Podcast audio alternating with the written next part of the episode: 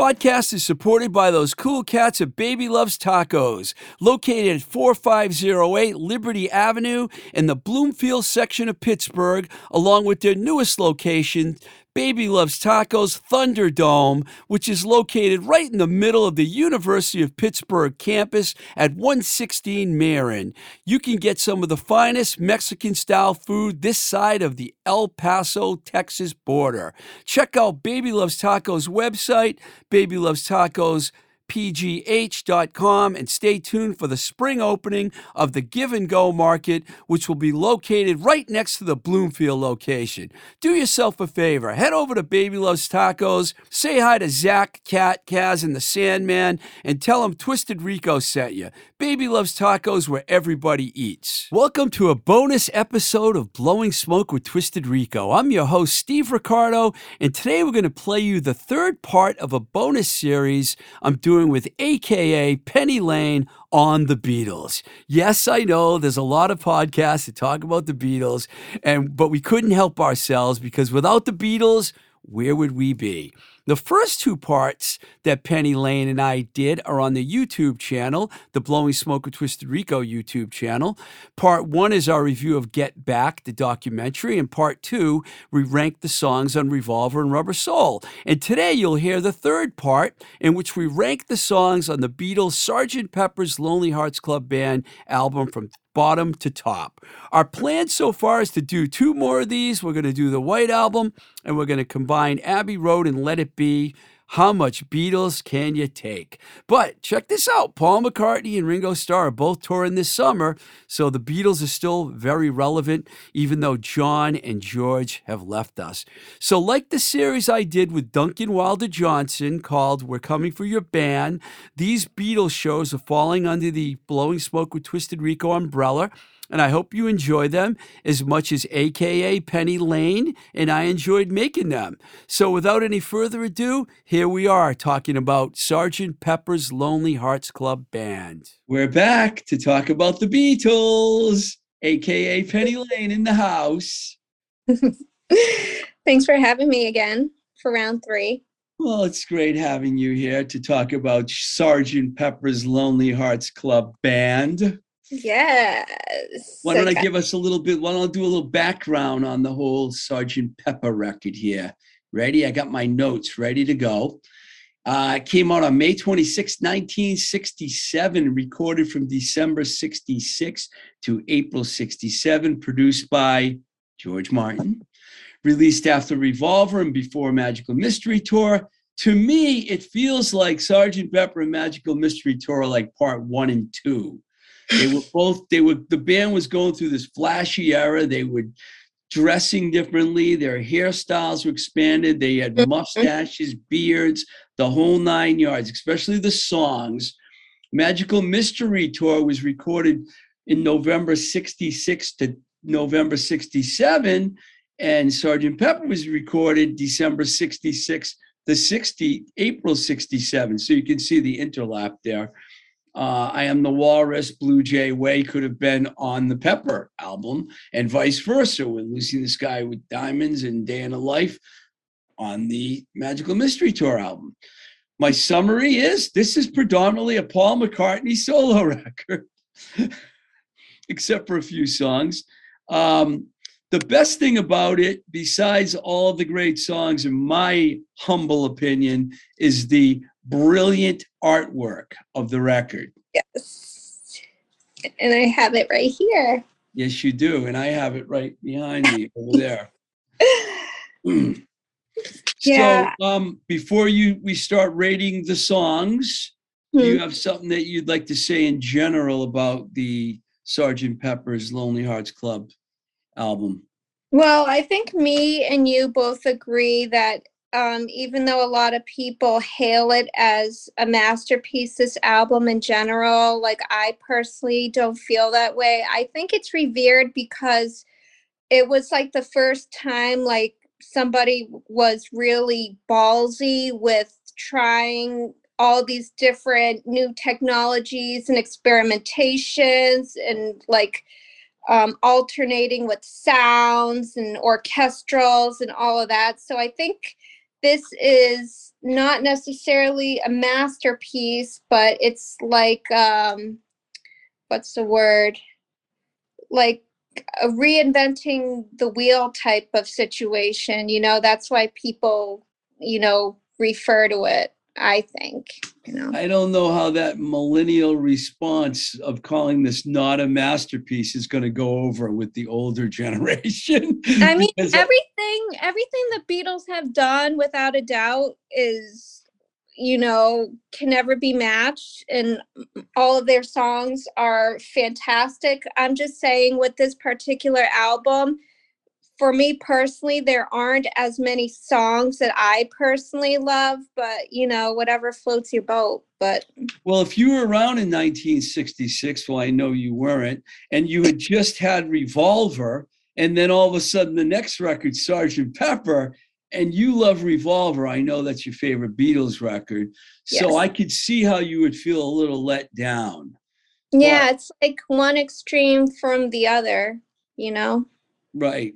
I well, I don't know about yeah, yeah, in the experimental sense, although they did start to get a little experimental on Revolver, it just wasn't it didn't just it didn't go as far as uh, Right, exactly. Pepper and Magical Mystery Tour when you know they were obviously on something, you know. I mean, like I brought my friend Franco along here. He's on something. You know my name. Look up the number. Oh, no. Sorry, I got goofy there for a minute. So we're here to rate the songs from one to. Please tell me there's 13 songs on this record. I have 13. Good. We don't have to start all over again like we did last week. So I liked what we did last week, where you actually gave yours from bottom to top, and then I just told you where I was and added a little bit of feedback and Okay. All right. Is that good? Does that work for you, Penny Lane? Sounds good. All right, I'm ready. You ready for it? I'm ready So- for it. Number 13, I have She's Leaving Home. She's leaving home. I have that at number nine. That's a Paul song all the way. We're going to be saying that a lot on this episode. It's You know- just it's just too sappy and boring and I don't really like it. Uh, there's no Ringo and no George on that record. They're replaced by a string section. Right. That's probably why you don't like it because there's a lack of instrumentation going on. Well, there's a lot of instrumentation, but not the kind of rock Yeah. Percussion or anything like that. Yeah.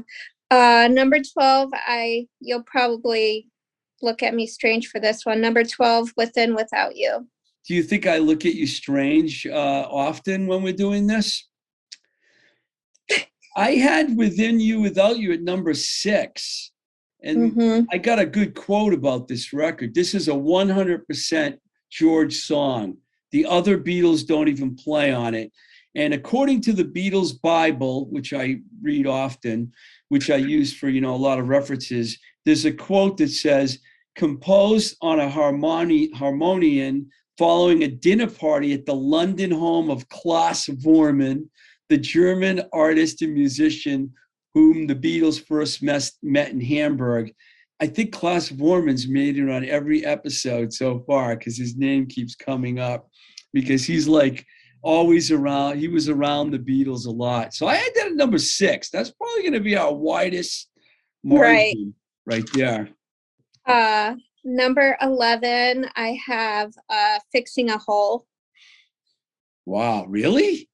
That's amazing because I have fixing a hole all the way up to number three on my list. Really? All Yeah, right. it's, like- it's one of Paul's best songs, I think. And supposedly he wrote this about marijuana, which it may appear that I smoked before this uh, show, but I didn't yet. Anyways, I should have.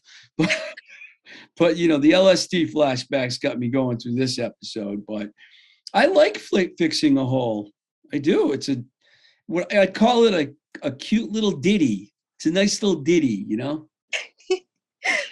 Um, number 10, I have the uh, Sergeant Pepper uh, reprise when they play it uh, towards the end.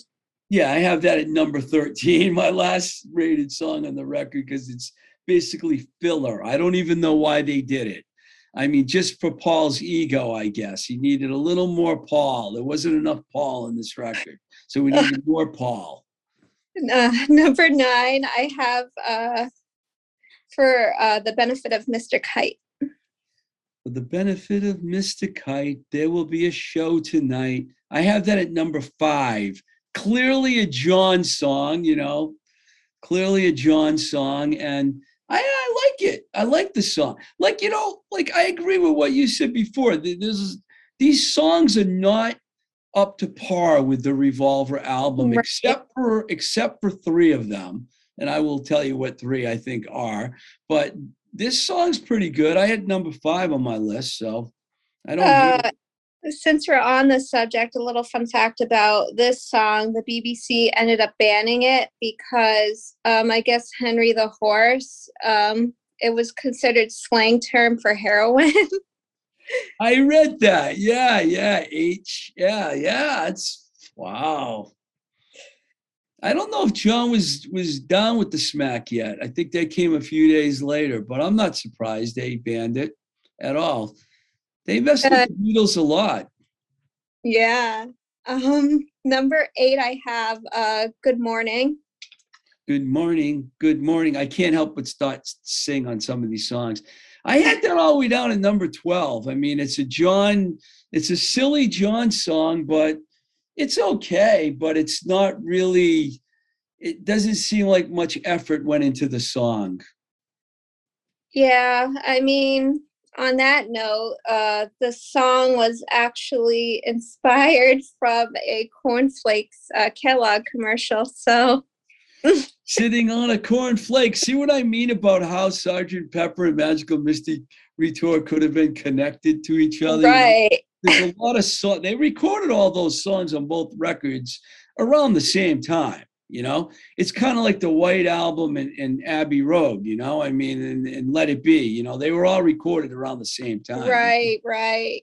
Not many bands were able to do as much recording in short periods of time as the Beatles were. They were really good at just like slamming it out. You know, they Right. could put two records out every year, no problem. Queen was like that too. I know I always have to bring up Queen. The Stones were like that. There's only a few bands that could do that. Hmm. Uh, where were we? Oh, uh, number seven, I have when I'm 64. When I'm 64, I have that at number 10. Paul, once again, you know, he once said in an interview that he wrote that song for Frank Sinatra.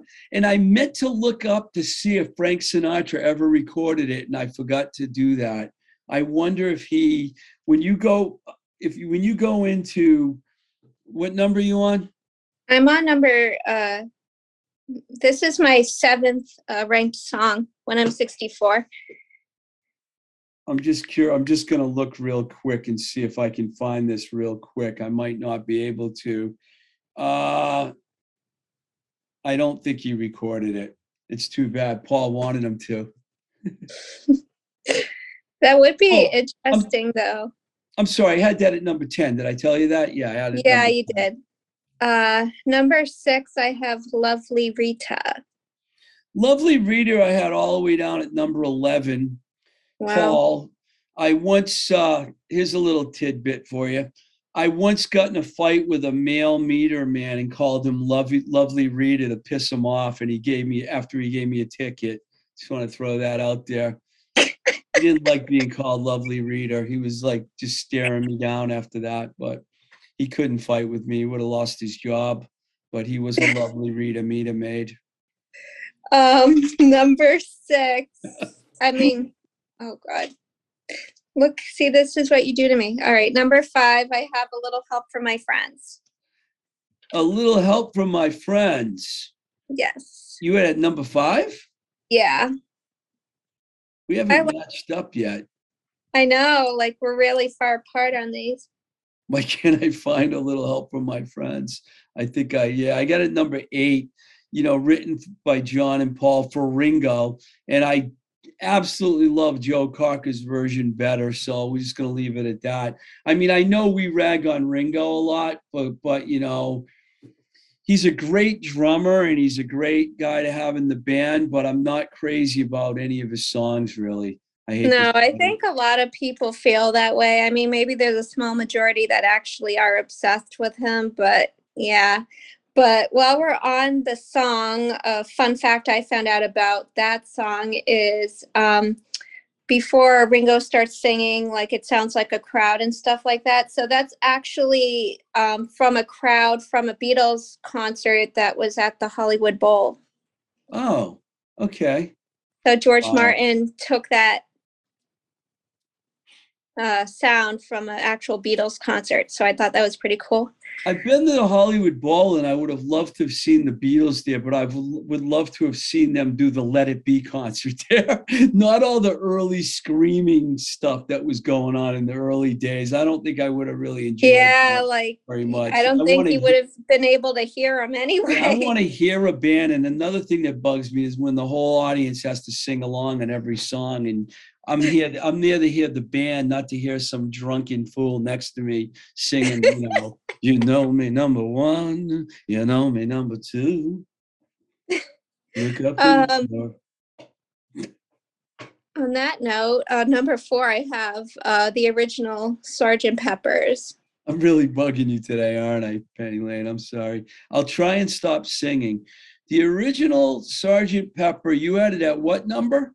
Four oh my god what, what is i'm scrolling and scrolling and the title i just wrote title track. Uh paul plays the one thing i had that number you had it at what? Four. I have it on seven. Um the one thing i do like about that track is paul plays the lead on it. He's really a good good guitar he was a re- he still is. He's a really good guitar player. Play, you know, no offense again, you know, John, they all are. All three of them can play great leads, but Paul sometimes because he's a lefty, he can really he can bring it on the guitar. Right. Uh, number three, I have getting better. Uh, we still we didn't. We're not gonna. I don't think we're gonna match up until we get to number one. I had you said number three, getting better. I had it number two, believe it or not. Oh, I wasn't it, that bad. I think it's one of Paul's best songs ever. I mean, it's really a good song because it's almost like recovering from a breakup or something. You know, I'm getting better all the time. You know, it's like really, uh, yeah, I like that one. Well, we are close on that one. Yep. I think maybe our top three, it sounds like we might be very close to each other. Uh, number two, I have Lucy in the Sky with Diamonds. Yeah, we are close, but not close enough because I had that at number four, believe it oh. or not but it's still one of the best five songs on the record. Uh, John on lead vocal and lead guitar. He claimed the song had nothing to do with LSD. He also claimed that it was a coincidence that there were clues that Paul McCartney was dead in the car crash. So, how much do you really believe John with some of the things he says? You know what I mean? Well, to follow up on that, supposedly it was based off um, a childhood friend of uh, Julian Lennon, uh, Lucy, and I guess John uh, saw a picture that Julian drew, and he kind of just fused things together. But um, Elton John does a really good version of this song as well, which yeah, I he does. Excellent version. it's a really great song. It's like what I consider. It's weird that I have it at number four. I just liked getting better and fixing a hole I don't know why. I, I like those. I don't either. Better than LSD, you know? Um, and of course, surprise, surprise, number one for me is Day in the Life. Yeah, well, I think we both knew before we even thought of this even coming up that Day in the Life was going to be our number one song. The masterpiece of the record, one of the mm-hmm. Beatles' best songs ever. And mm-hmm. it's probably the best collaboration between John and Paul out of all their songs. Because I like when they sing separate verses in songs. It's really in the same song. It really is like, you know, I think I, I know I brought this up last time, and you, I know you don't like the song, but on Ballad of John and Yoko, when Paul sings the background and they sing together, it makes the song complete. Well, I never said I didn't like it. It's just not one of my favorites, but to each their own. So Um, let me ask you a couple of questions here. Um, you know, I think we both feel the same way. I'm trying. I was trying to think of where I would rank Sergeant Pepper, and you know, I know you know the White Album's number one for me. Mhm, Revolver's number two, mhm. and then it gets a little difficult for me between Abbey Road, Let It Be, and um, Rubber Soul. So I guess I got this record all the way down to number six, which is Yeah. really going to be an insult to a lot of people that think it's the greatest. There are people that think it's the greatest record ever, not just the greatest Beatles record, but the greatest record ever. Right.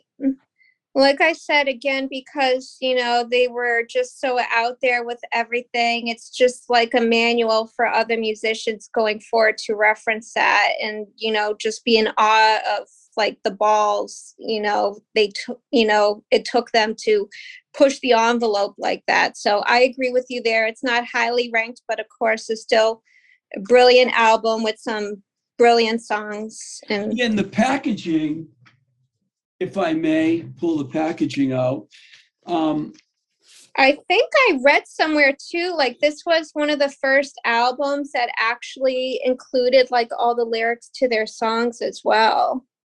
this really got me right here. One of the obvious Paul McCartney is dead uh, clues with Paul with his back to the camera because William Campbell, who replaced Paul McCartney in the band, wasn't quite up to par yet. They had to do a little more cosmetic surgery. And then in the in the middle of the record, I don't know if you can see all this, but Yeah. look at the mustaches. I mean, they should have called this album a futuristic 70s porn star mustache uh, album, you know, because they all have mustaches. I mean, I could never grow a, I could grow a mustache, but I never would. No offense to the people out there with mustaches, but I don't think it's a little weird that they all had mustaches. I mean, they were a band. It seemed like no matter what they did, you know, they always were evolving with each other. I don't know if they all agreed on that or if it happened coincidentally, but who knows? but I don't mind the imaging though, and I didn't mind the costumes. I think they said it was Paul's idea. I wouldn't put it past them, but I thought it was great. It was very glammy before glam. If Right. Yeah. they were glam before glam. You know, I Yeah. mean, you know, the Stones were flashy at that time too, but not very many other bands had that kind of flash until like Hendrix came along, but it was yeah, you know what Hendrix did? He he learned that record. He learned that record and played Sergeant Pepper at a concert. And I think I read somewhere that Paul was there, and the record had only been out for a week, and he played Sergeant Pepper at a show. Jimi Hendrix. That's how good he was. Maybe we should talk about him sometime, huh? Yeah, absolutely. Um, So you're gonna have to real. Do you want to say something else? Well, I had a few more facts in general about the album and stuff. I don't know if I could get yeah, into. let's hear him. So you'll find this interesting because I know when we do chat, you somehow this always gets into the conversation. But originally, Strawberry Fields and Penny Lane were supposed to be on this album, but for some reason, they slashed it.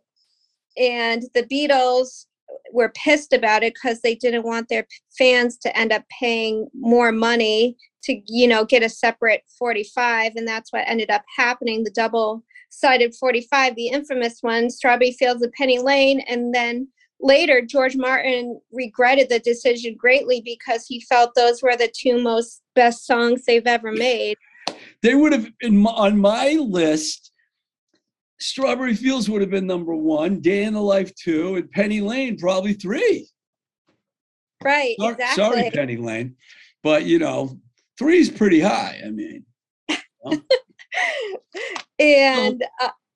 Um, so if you guys watched the previous one where I mentioned how Brian Brian Wilson was inspired by Rubber Soul to do Pet Sounds, so this album uh, Sergeant Pepper's, the Beatles were inspired inspired by Pet Sounds, and um, I guess uh, George Martin said uh, during recording sessions that that album was always being played in the background, and uh, also I found out that uh, they also took some tidbits from uh, Frank Zappa's band Mother of Invention, the 1966 album Freak Out. Um, I guess they liked it was satirical and how they incorporated a lot of orchestral. So I guess I can see why, you know, we know Frank Zappa, you know, he's pretty out there. So I guess that's why, like, maybe a part of this album, you know, some of it's a little too far out there for me, but I can, yeah, I can see that. um, I have a suggestion we're going to do the White Album next on our next episode. Yes. I was thinking instead of doing the entire album, what if we pick like the top 10 songs off the White Album? Instead I'm down with that. Yeah, because it would take way more than an episode to talk about right, the whole White exactly. album. So if we do that and then we realize, oh well, we should have mentioned Revolution number nine because neither one of us are going to have that in our top ten. I'm sure we'll have to do an a, a, an addendum to the to to our next episode. And after that, you know, we got Abbey Road. So and then let it be, and then maybe we'll finally let it be. yeah, I'm down to move on to other musicians. Like I doubt, I doubt it though. I think we're kind of hooked on the Beatles there, Penny. and I did have one more fact. Um, it's not the most interesting, but I thought it was pretty cool. So um, in September of 67, about four months after Sgt. Pepper's was released, they became the first musical act to make the cover of Times Magazine. And even before that point, you know, Elvis wasn't even on the cover of Times, you know, at all by that point, obviously. So I thought that was pretty cool and interesting. Yeah, it's very interesting. you got a lot of facts. It's good. A lot of, lot of verbiage. Verbiage? so, uh, do you want to plug your bakery? Um, sure. So, again, people that may have not seen the previous episode, um, my real name is Tiana. I do have a little baking side hustle outside of my home. Um, I am on Facebook, Hot Tin Bakery, um, Instagram, uh, hot underscore tin underscore bakery. Uh, I do everything cookies, muffins, cakes, bun cakes, gluten free, sugar free, just everything. Again, I'm in central Massachusetts. So if you're elsewhere, you're shit out of luck right now. So, and I got to tell you, you make some really good gluten free blueberry muffins. Among, I'm sure a lot of it's good. Unfortunately, I'm on a gluten free diet, not by choice, but um, and um, I want to remind everyone to go to Apple Podcasts and listen to the Blowing Smoke with Twisted Rico podcast. This is our YouTube page, but way more shows are on the actual podcast and they're long versions, and I highly recommend it. And maybe one of these days, Penny Lane will be on the regular podcast talking about something. I don't know what. We'll think of something. this was a lot of fun. Uh, again, you know, we can never go wrong with the Beatles. And thank you again for having me. Thank you. Till next time, you know Bye. me number one, you know me number two. Whoops, look up the number. Bye. There you have it aka Penny Lane, and yours truly geeking out on the Fab Four. Stick around because we're going to play a great song at the end of the show from our dearly departed friend Jimmy D'Angelo, and you definitely want to hear that. If you enjoy listening to this podcast, please consider supporting us on our Patreon page at patreon.com forward slash twisted rico or at anchor.fm slash blowing smoke tr. And if you want to send us music, just email me at twistedrico at gmail.com because we love getting new music and you never know, your songs might end up on this show.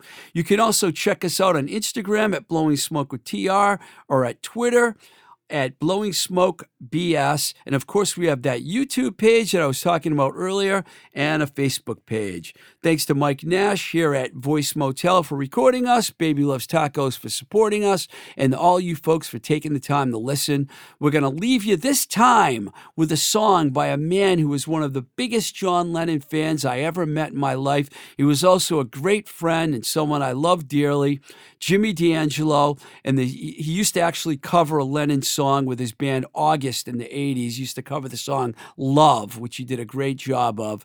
So, from our good friend, Jimmy D, uh, he's probably up in heaven right now in rock and roll heaven, jamming with George and John.